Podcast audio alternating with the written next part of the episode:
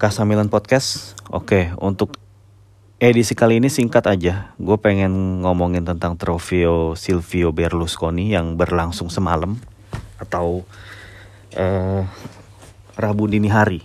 Ya, ini mempertemukan Monza dan Milan. Jadi ini adalah episode pertama dari Trofeo Silvio Berlusconi, yang mana sebelumnya ini bernama Trofeo Luigi Berlusconi, ayah dari Silvio. Ini karena Silvio baru wafat beberapa bulan lalu dibikinlah turnamen ini untuk memperingati namanya gitu ya. Dan um, memang uh, tidak ada kesebelasan lain yang patut diundang selain Milan oleh Monza. Karena memang baik Monza atau Milan memang tim yang dekat dengan Silvio gitu.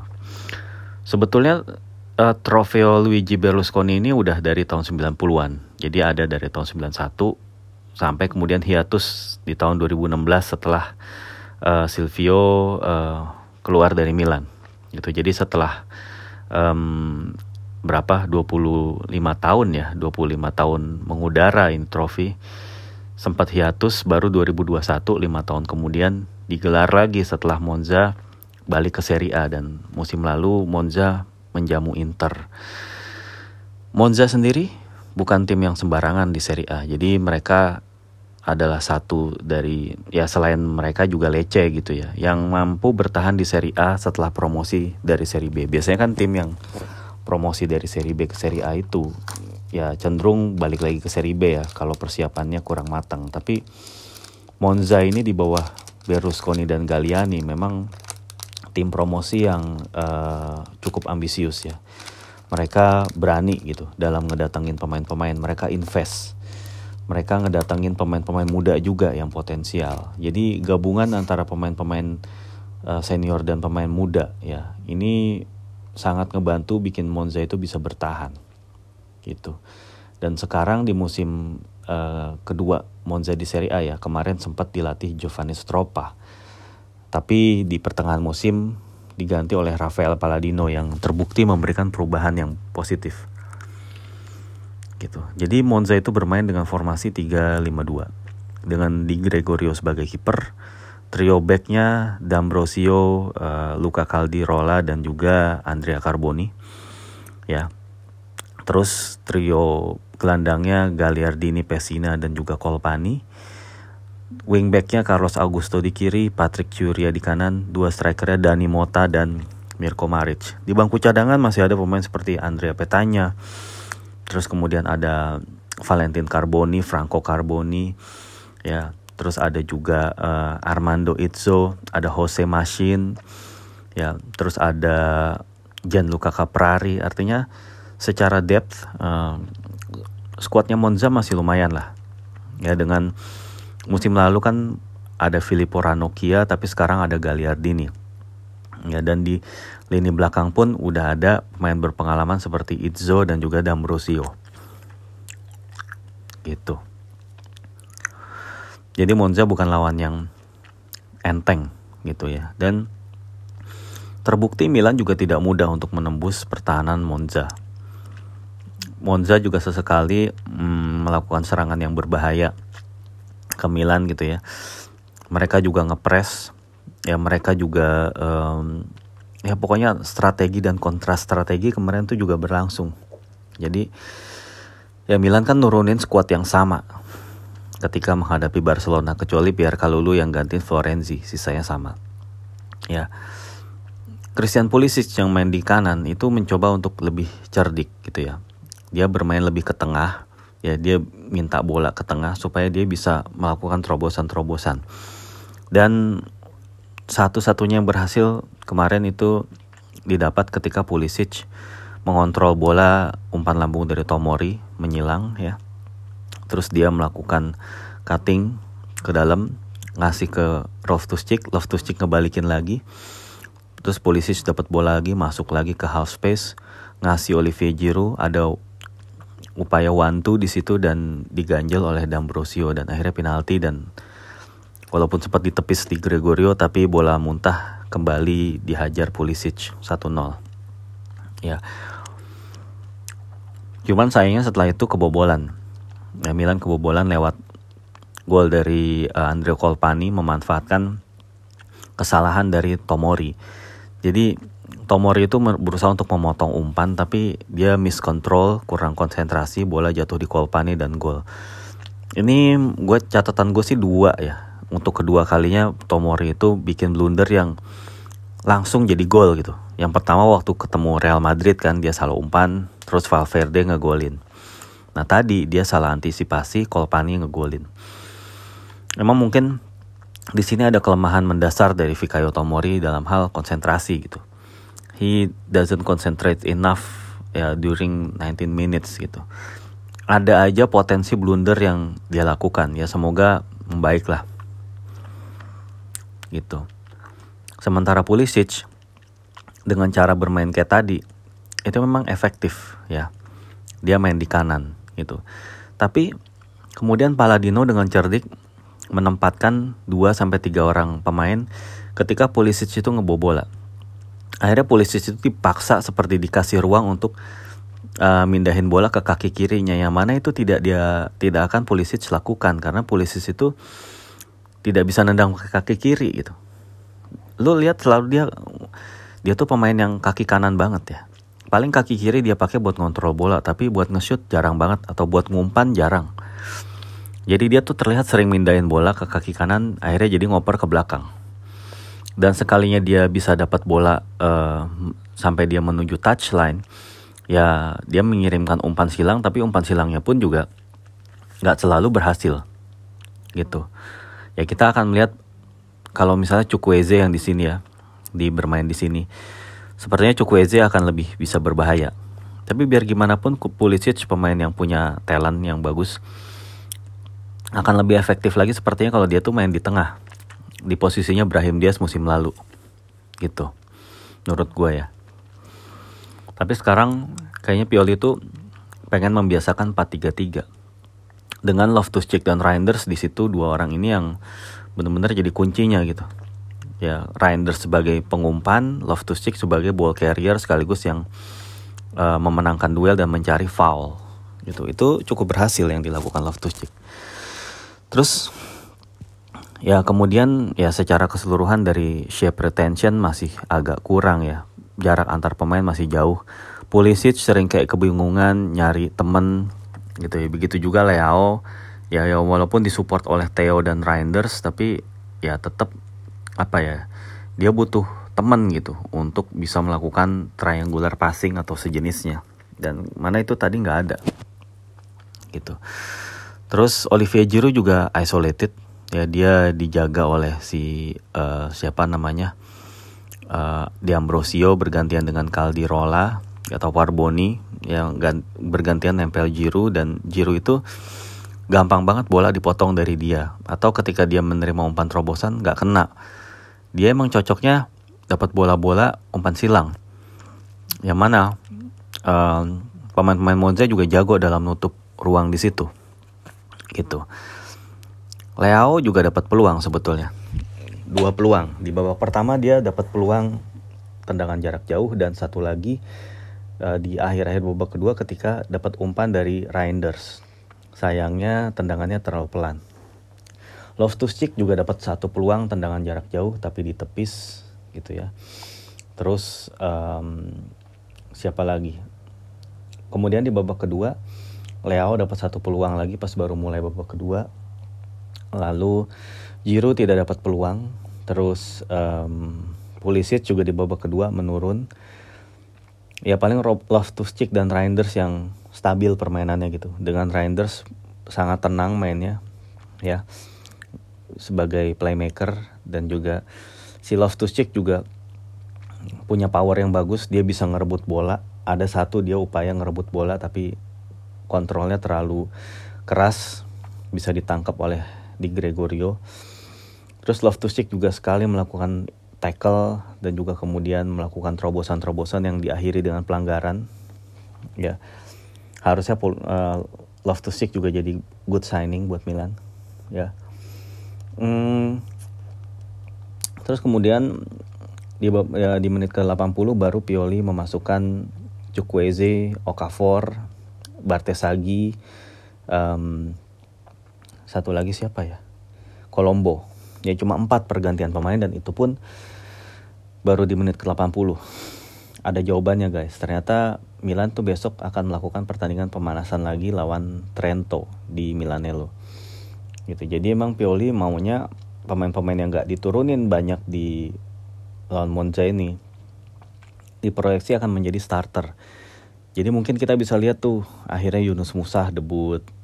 Ya kita bisa lihat juga skippernya Sportiello backnya Simon Kayer terus Bartesagi terus kemudian strikernya Colombo ya terus ada Okafor dan Chukwueze main dari pertama.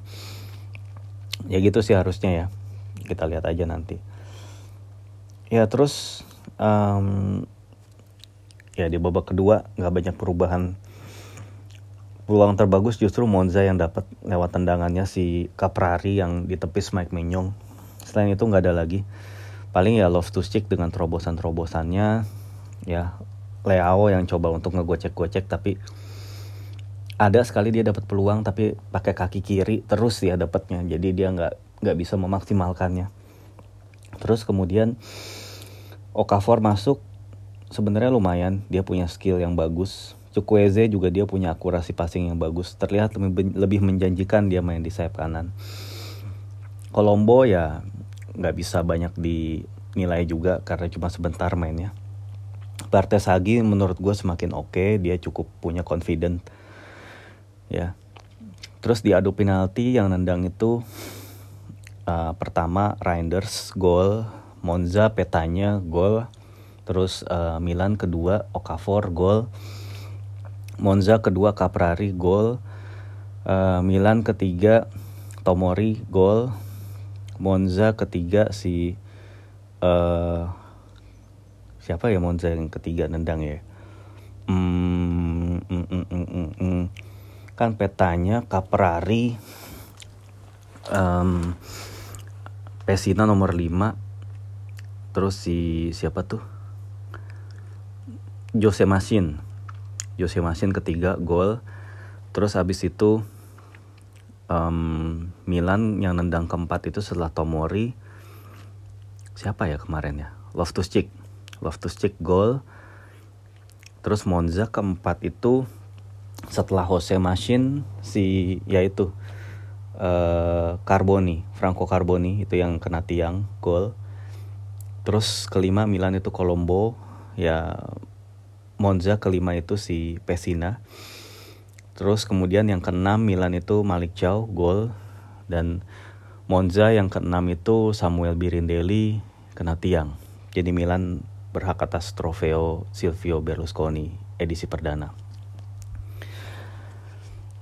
Ya, kalau ditarik kesimpulan sebetulnya um, Pioli udah mantap dengan 4-3-3 ini walaupun dalam interview dia bilang dia bisa pakai 4-2-3-1, dia bisa pakai Pulisic sebagai second striker atau bermain di belakang striker, Okafor juga dia bisa mainin di di belakang striker. Jadi sepertinya Pioli itu punya beberapa formasi lah di benaknya dia cuman yang sepertinya lebih stabil dan dia akan gunakan most likely ya yang 4-3-3 ini gitu.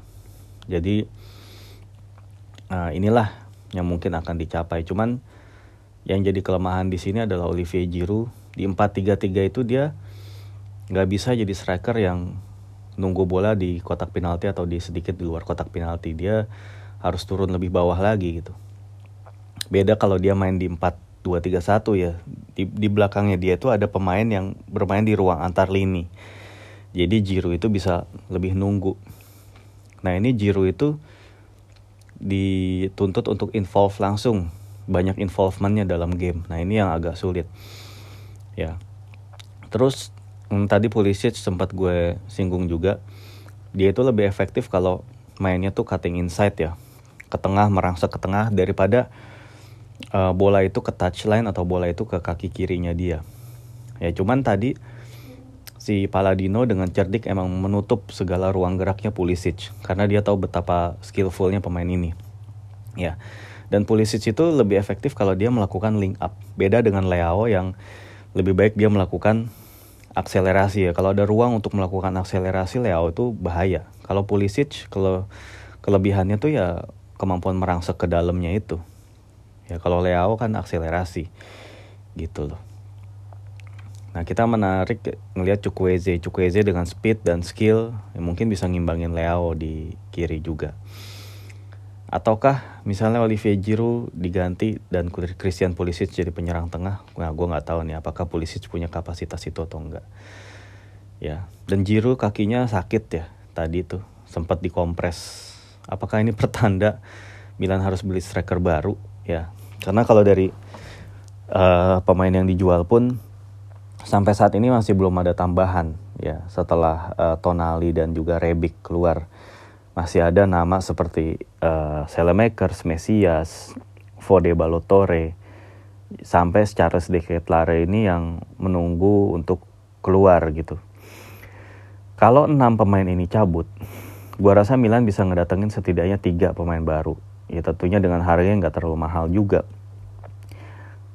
Dan kalau misalnya nggak jadi pun, ya Milan masih akan pakai squad ini dengan Bartesagi sebagai deputi Theo, Theo. Jadi misalnya kalau Theo cedera, ya Bartesagi yang main.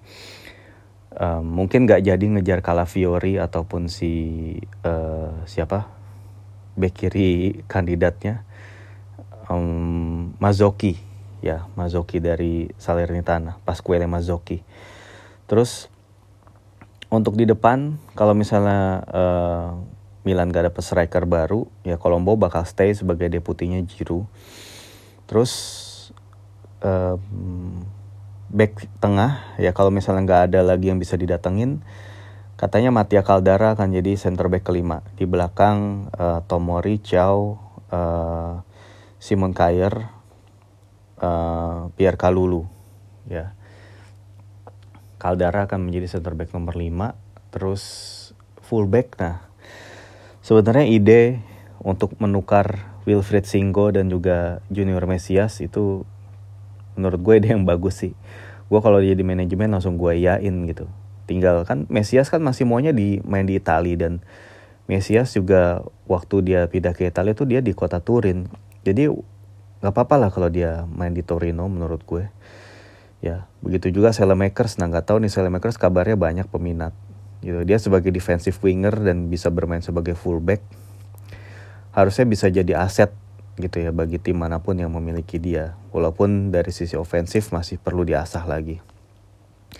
Tapi setidaknya dengan misalnya Mesias Selemakers keluar terus Divock Origi juga keluar Fode Balotore keluar gitu ya Charlie De Ketlare keluar ini kan akan membuka space gitu ya bagi pemain-pemain baru untuk datang jadi siapa tahu bisa ngedatangin satu DM, satu CB, satu LB dan satu lagi striker. Atau mungkin kalau misalnya LB nggak perlu udah Bartesagi aja. Center back juga ya udah segini dulu aja gitu. Udah ada 5 center back. Ya. Paling ya DM. Kalau mau beli DM yang benar-benar bisa bertahan. Tapi itu kalau dengan catatan Kronik juga pergi. Karena Fenerbah ini sepertinya serius menginginkan Krunic dan Krunic juga kabarnya udah agree dengan tawaran dari Fenerbahce. ya mungkin tinggal Milan ya uang dari Krunic dibeliin midfielder baru. Nah uang dari kepergian Origi, Selemakers Junior Mesias, uh, terus kemudian si Fode Balotore gitu ya. Ya misalnya udah pada pergi nih. Nah, saatnya mencari striker baru yang emang kualitasnya bagus yang bisa ngasih immediate impact. Pemain seperti Medi Taremi mungkin atau siapa lagi gitu. Tapi ya Taremi orang Iran ya. Terus ada Pulisic Musah orang Amerika gitu. ya nggak tahu lah ya kayak gimana. Kan tension Amerika Iran lagi gede lagi gitu tapi ya udah gue rasa ini doang sih yang mau gue update gitu ya. Nggak banyak memang. Milan masih ada tiga uji coba lagi. Yang pertama lawan Trento besok. Terus tanggal berapa ya? 12 Agustus apa? Ketemu dengan tim Tunisia Sahel. Dan kemudian terakhir ketemu dengan Novara sehari sesudahnya. Ya. Oke enjoy aja Mercato. Uh, tetap positif. Ya thank you atas perhatian dan juga uh, komentar-komentarnya baik di Twitter maupun di uh, Spotify. Oke, sampai di sini dulu ya. Bye.